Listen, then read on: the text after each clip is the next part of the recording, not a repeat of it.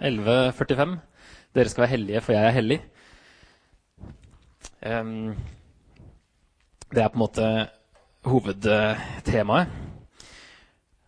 Og så er det visstnok uh, ganske nylig at man har begynt å skjønne så mye av den boka her, leste jeg. At det var uh, Fordi det forklares ikke så mye grunnen til at de lovene gis. Når det kommer til femte Mosebok, så er det mye mer uh, Kommer det liksom en begrunnelse hvorfor dere skal holde den, den loven. Så der får dere liksom se litt mer av eh, ja, poenget bak, da. Men i tredje Mosebok så er det ikke så mye begrunnelse. Det er bare en lov, og så har man ikke skjønt helt uh, hvorfor, da. Uh, inntil det var liksom på 70-tallet man begynte liksom å få litt øya opp for hva det egentlig dreide seg om.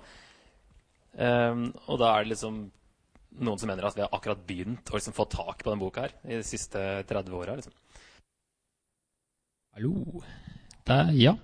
Flott. Her er et sitat av en som heter uh, Tozer, som uh, sier at det lave synet på Gud som holdes nesten universelt blant kristne, er årsaken til 100 mindre onder, hvis dere skjønte hva han mente.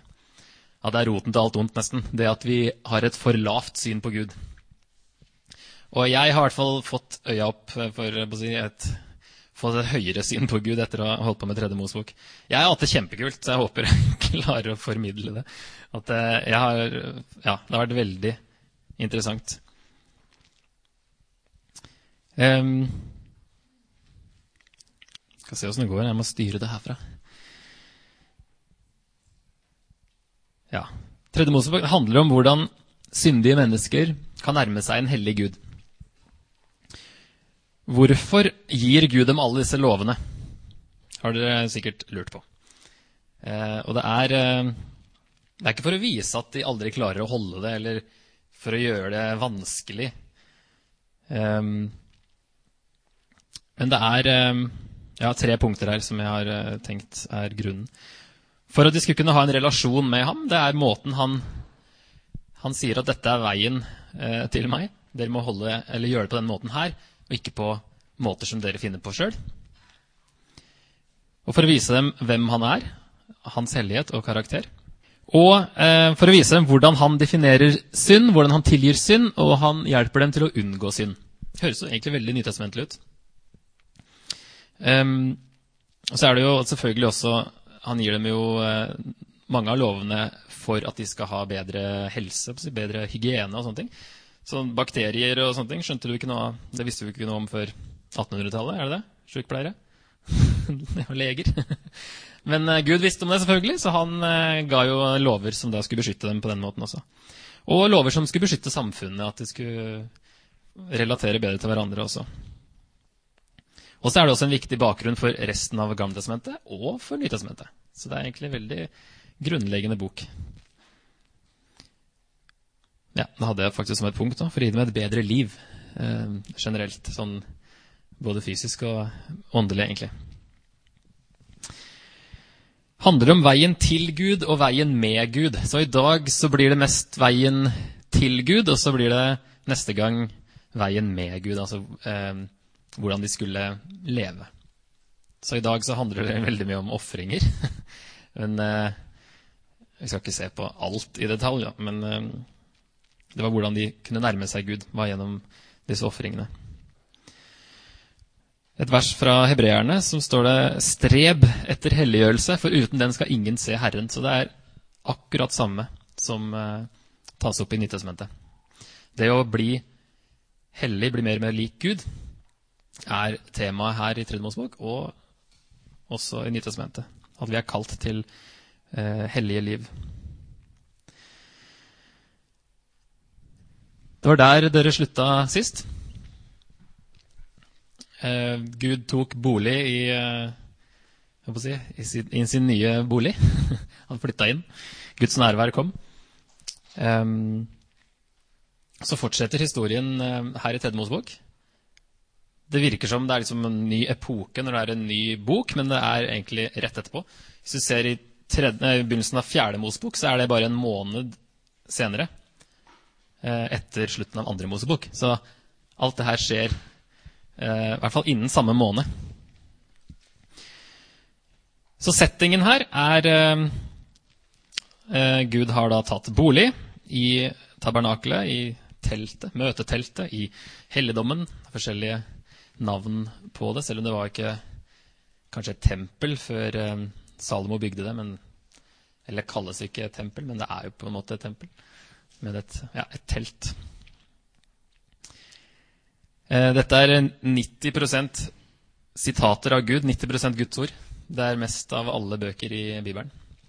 Eh, så er det litt eh, fortelling innimellom. På engelsk heter den boka er det noe som heter Tredje Mosebok? Leviticus. ja. Fordi det har med levitten å gjøre, men ironisk nok så nevnes levittene bare i ett eller to vers, tror jeg. Um, så det Jeg vet ikke utviklingen der, men uh, den er litt misvisende. Det handler ikke om levittene.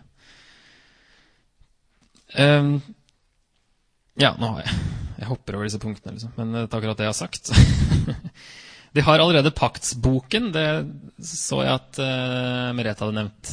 At det er um, ja, andre Mosebok 20-23. De første lovene de får. De ti bud, også litt utover. Som Moses skriver ned, som ble kalt paktsboken. Og så kommer det da eh, mange flere lover her.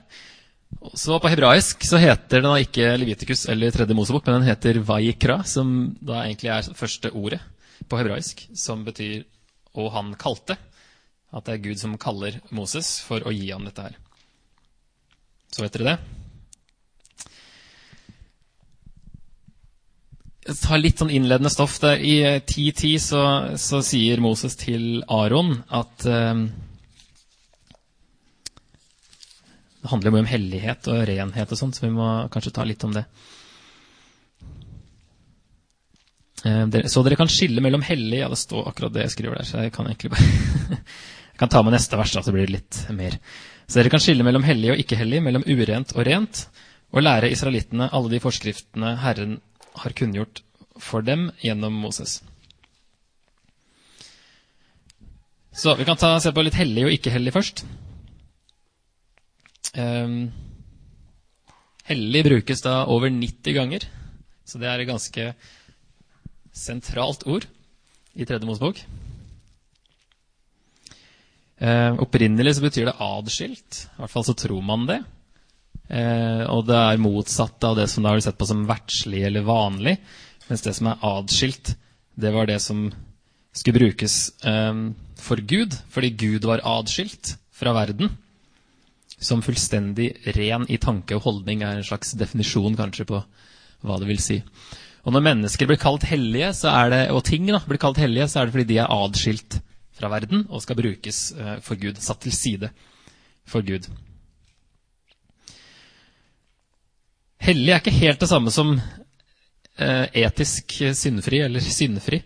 Um, fordi som sagt så kan gjenstander også være hellige, og de har ikke så mye oppførsel.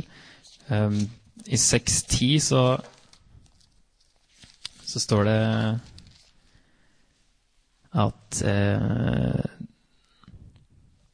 ja, det står om um, grødeofferet. At det må ikke bakes med surdeig. Dette er den delen jeg har gitt dem av mine gaveoffer. Høyhellig er det, på samme måte som syndofferet og skyldofferet. Så jeg snakker om offeret her, som er høyhellig. Ikke bare hellig, men høyhellig. Det er liksom enda helligere. Um, noen av de ofringene blir kalt for høyhellige. Så det er ikke det Ja, det er en litt um, annen definisjon kanskje enn det vi tenker på som hellig. Det at folket skal være hellig, betyr at de skal være annerledes enn andre folkeslag. De ble tatt, utvalgt av Gud, satt til side, og skulle da, de fikk loven fordi de skulle være annerledes. Prøve å oppsummere det her. Ja, Gud er både hellig og syndfri, men Guds folk kalles hellige, men kalles samtidig til å bli helliggjort. De er adskilt, men kalles til å bli lik Gud. Litt forvirrende, kanskje? Men det er på en måte to, eh, to nivåer, på en måte.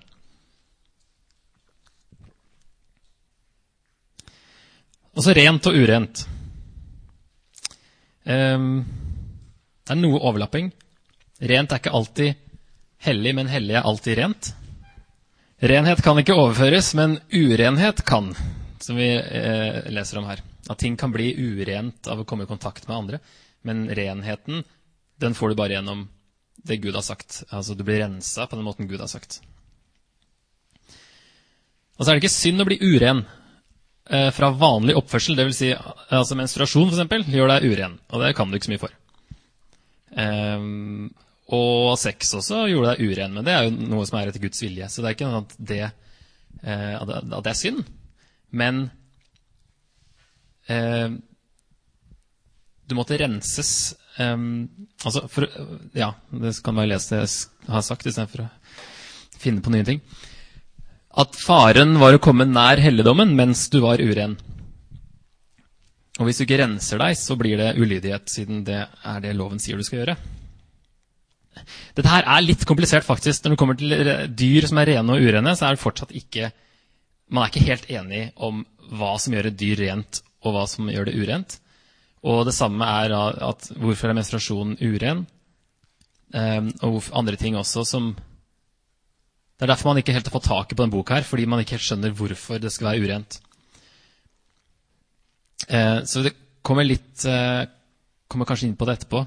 Men uh, det har med Altså, ett syn er at rent og urent er en parallell eller symboler på liv og død, og at når du mister blod, så er det mer forbundet med død. Eh, eller at du mister styrke, du mister liv, på en måte. Og da er det per definisjon urent. Men det er ikke synd. Um, så vi får se litt på det etterpå. Men uh, det er ikke helt uh, enkelt, akkurat det der. Men du er likevel bare uren til uh, Nei, faktisk menstruasjon er du uren lenger. Er du ikke det? Sju, ja, for det varer jo ca. sju dager. Så, men eh, med andre eh, altså utfloder og sånne ting, som det står, eh, så var det urent bare til kvelden. Også hvis du hadde hatt sex, så var det også bare urent til kvelden. Skulle vaske deg, og så urent til kvelden. Da På kvelden begynte jo en ny dag. Fra solnedgang til solnedgang. Så jeg har et punkt senere, jeg vet ikke helt når det kommer, for det er, litt, det er ikke helt ordnings i huet mitt eh, ennå. Men noe av poenget med at f.eks. Um, sex gjorde deg uren, var trolig at det ikke skulle blandes med religionen. At det skulle, Sånn som alle de andre rundt, folkeslagene rundt. Det var veldig mye sånn fruktbarhetsritualer, ikke sant? og de, de blanda inn sex i religionen sin. Mens Gud eh, skulle ikke ha noe av det, og derfor sier han kanskje det er urent. Sånn at det ikke skulle være mulig å blande det. Eh, og menstruasjonen, det er kanskje en litt annen altså Det er jo kan være noe hygiene, og det kan være andre ting som gjør at det um, ble sett på som urent. Heidi. Heidi sa at uh, hun trodde hun hadde lest at uh, i andre religioner så brukte man menstruasjonsblod i tilbedelsen. Og da er det jo en god grunn til at Gud mener at uh, det skal ikke blandes inn. Derfor er dere urene til dere er ferdig med menstruasjon. Men det, det, er veldig ok å spørre om sånne ting. For det er det, den, altså det er det, vi kommer til en bok her, og så skjønner vi ikke På en måte kjenner vi ikke Gud igjen. Og er det egentlig, hva er poenget med det her? Så det er, eh, det er bra.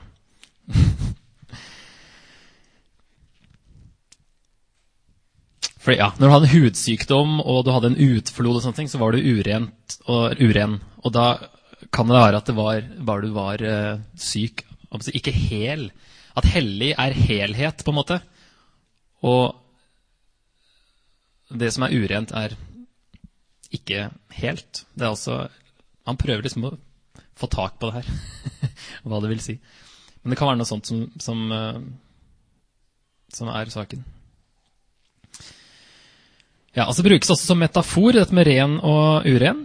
Um, rene hender snakkes det om i, også i GT. Og det vil egentlig si kanskje et rent hjerte, altså moralsk eh, rene hender.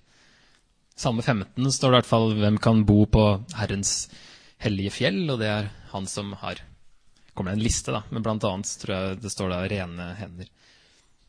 Så det brukes også som en metafor, som en overført betydning. Og også i Nytestamentet. Eh, der sier Paulus, da for, for ta, Jeg kommer til å liksom, jeg har fletta inn litt sånn Nytestamentet og litt eh, anvendelse underveis, fordi det er så greit å ta det underveis, har jeg tenkt med denne boka her. Paulus sier at ingenting er urent i seg selv, i Romerne 14. Eh, og hele skaperverket er eh, på en måte i gang med å bli forløst gjennom Jesus i Romerne 8. Og Jesus brøt ned gjerdet mellom jøder og hedninger, eh, Efeserne 2. Og så er det ikke lenger noen helligdom som må holdes ren. Men samme metafor brukes likevel. De snakker om rene hjerter og uh, renhet og renses, at uh, vi blir renset i blodet og sånne ting. ja, konsekvensene har jeg da hoppa litt og tatt allerede. Det at um, sex- og fruktbarhetsritualer ikke kunne bli en del av tilbedelsen. Og kanskje også det med at man ikke kunne tilbe døde, siden da presten måtte holde seg langt unna eh, alt som var dødt. Man ble uren når man kom i kontakt med det som var dødt. Ikke bare av hygieniske grunner, kanskje, men også at det ikke skulle blandes inn noen sånne ting. Gud har liksom gode grunner som ikke vi helt får tak i.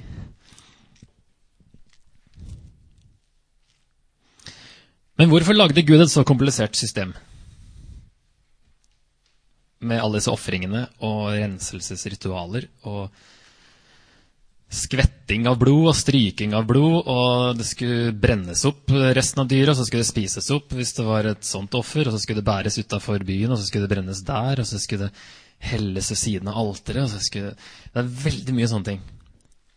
Og det tror jeg vi alle tenker på, eller lurer på. Hvorfor gjorde han det på den måten? Um, svaret tror jeg er at uh, han gjorde ikke det. Han lagde ikke det systemet her.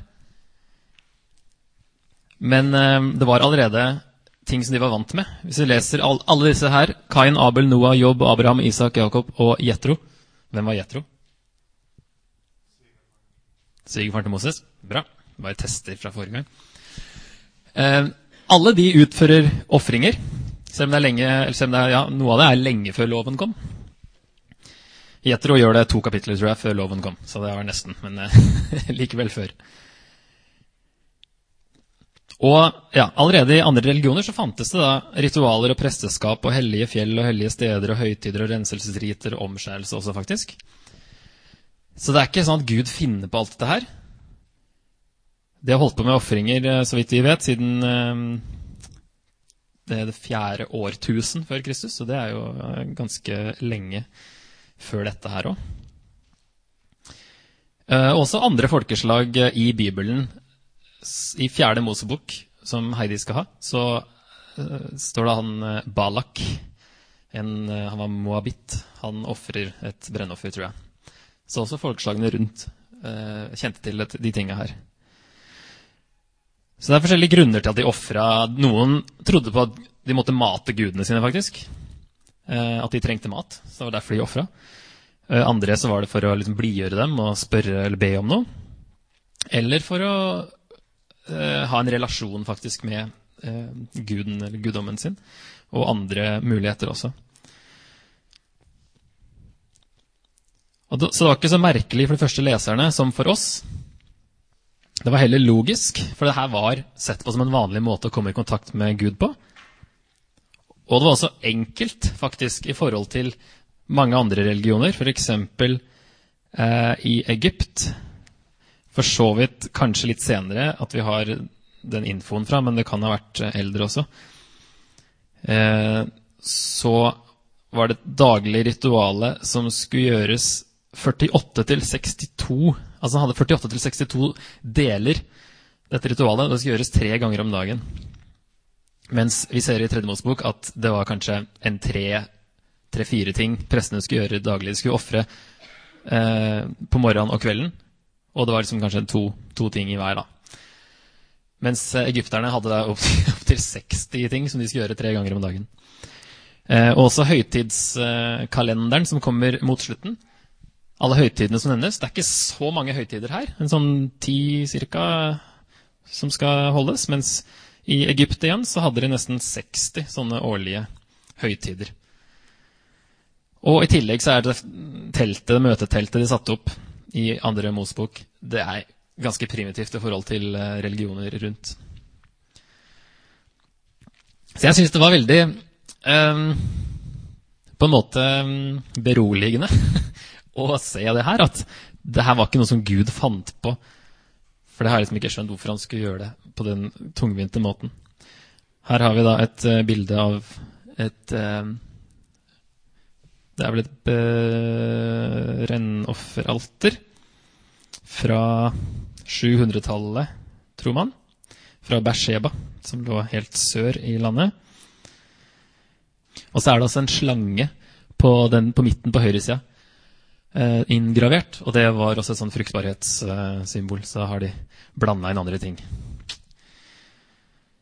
Så um, ved å gi dem loven bringer Gud disse praksisene inn under sin vilje. Alt var ikke helt nytt, men mye ble forbedret. Derfor kan vi også si at Gud snakker deres språk og jobber med dem der de er. Jeg tror ikke de var klar for å få noe helt nytt nå, men Gud bruker det som er kjent. Og så Moseloven er eh, mye mer human enn andre lover på den tida, med, med straff og, og, sånne ting. Og eh, ja, så mye blir forbedra. Samtidig som at de kunne relatere til det, og de skjønte eh, poenget med det. Så han tar det liksom skritt for skritt. på en måte. Når Jesus kommer, så er det ganske mye senere. Så en, en viktig forskjell da, fra andre religioner det er at blodet ikke ble brukt til renselse. Det er noe som vi bare ser i Moseloven. Og syndoffer og skyldoffer er også ukjent fra andre religioner. Det er det som faktisk gjør det du måtte ofre når du hadde synda. Det var syndoffer og skyldoffer. De tre andre, brennoffer og grødoffer og fredsoffer, var, det sies ikke like sterkt, i hvert fall, at du eh, skal ofre det når du har gjort det eller det eller det. Men det kunne være mange forskjellige grunner. Det kunne være litt sånn frivillig. Um, men eh, syndoffer og skyldoffer var veldig direkte på det med å få soning for, det, eh, for synden. Ja, jeg ba dere prøve å det er Minus med at jeg ikke ser neste slide, er at det liksom nå gikk litt for langt. Jeg skulle høre om dere hadde klart å dele inn i fire. Om dere hadde tid til å tenke på det. Men nå ser dere i hvert fall hvordan jeg har eh, delt det inn i fire. Det er egentlig ganske Det er ikke så vanskelig, da. For du har alle disse ofringene i de første kapitlene. Og så har du prestene at Aron og sønnene hans blir innviet og gjør sine første ofringer. Aron sitt går bra, mens eh, det som sønnene hans, eh, de to eldste sønnene kommer med, det går ikke bra. Det kan vi også prøve å ha tid til å se på. Og så kommer det noen kapitler om rent og urent. og da er Kapittel 11 er om dyr som er rene og urene. Og så er det da eh, 12 er om når en kvinne eh, føder et barn, og da skal hun være da er hun uren dobbelt så lenge hvis hun har en, fått en datter eller en sønn. Så det er også litt sånn Feministene kommer med en gang. Og um, forskjellige tanker rundt hvorfor, uh, hvorfor det. Og så 13 og 14 og 13 og 14 handler om hudsykdommer, og, og for så vidt samme slags uh, si, hudsykdom på, på, hus. Altså mugg, da, egentlig. Mugg på, mugg på huden og mugg på huset. Um, og hvordan det skulle renses. Så det handler om rent og urent også. Og så 15 handler om utfloder og sånne ting, tror jeg. Ja, altså Den store forsoningsdagen er jo veldig viktig, men jeg vet ikke om vi kommer så langt i dag. Så det får vi ta neste gang i så fall. Men eh, hvis dere har lyst også, så kan dere lese hebreerbrevet en gang til. Eller de som da var her i fjor, må jo lese det en gang til. Ellers kan dere andre lese det for første gang. eh, for der trekkes veldig mange av de parallellene til hvordan Jesus oppfylte alle disse her ofringene og alt annet. Altså Det er veldig interessant etter å ha studert Tredje Mosebok å lese hebreerbrevet igjen. Ok, jeg tror vi må uh, kikke litt på disse her. Når jeg satte opp bare litt uh, brennoffer, grødoffer, fredsoffer, syndoffer, også kalt renselsesoffer. Og så har vi skyldoffer, også kalt kompensasjonsoffer. Litt forskjellige oversettelser. Så er de fem første kapitlene har du de fem første ofringene, og så kommer det to kapitler med litt ekstra instrukser til prestene om de forskjellige ofringene en gang til. da. Så det handler veldig mye om Dette er kanskje noen av de tyngste kapitlene. Da. Fordi det er så fjernt fra oss, siden vi ikke driver med sånn. Um, dere kan kikke på ja, Vi tar en liten tilbakeblikk på hvordan det så ut inni dette uh, sett ovenifra. Um, kommer inn fra høyre.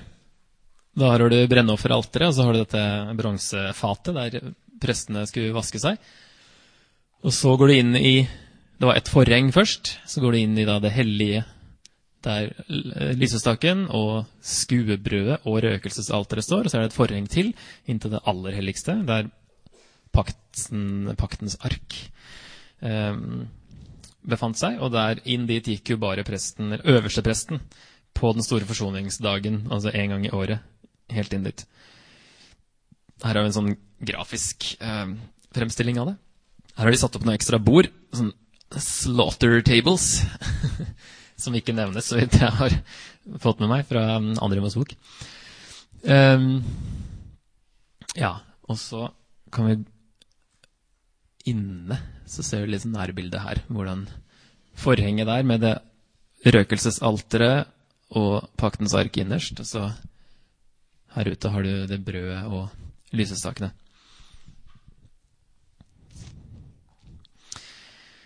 Ok, Her er vi kapittel én. Dere kan sikkert se heller i deres egne bibler.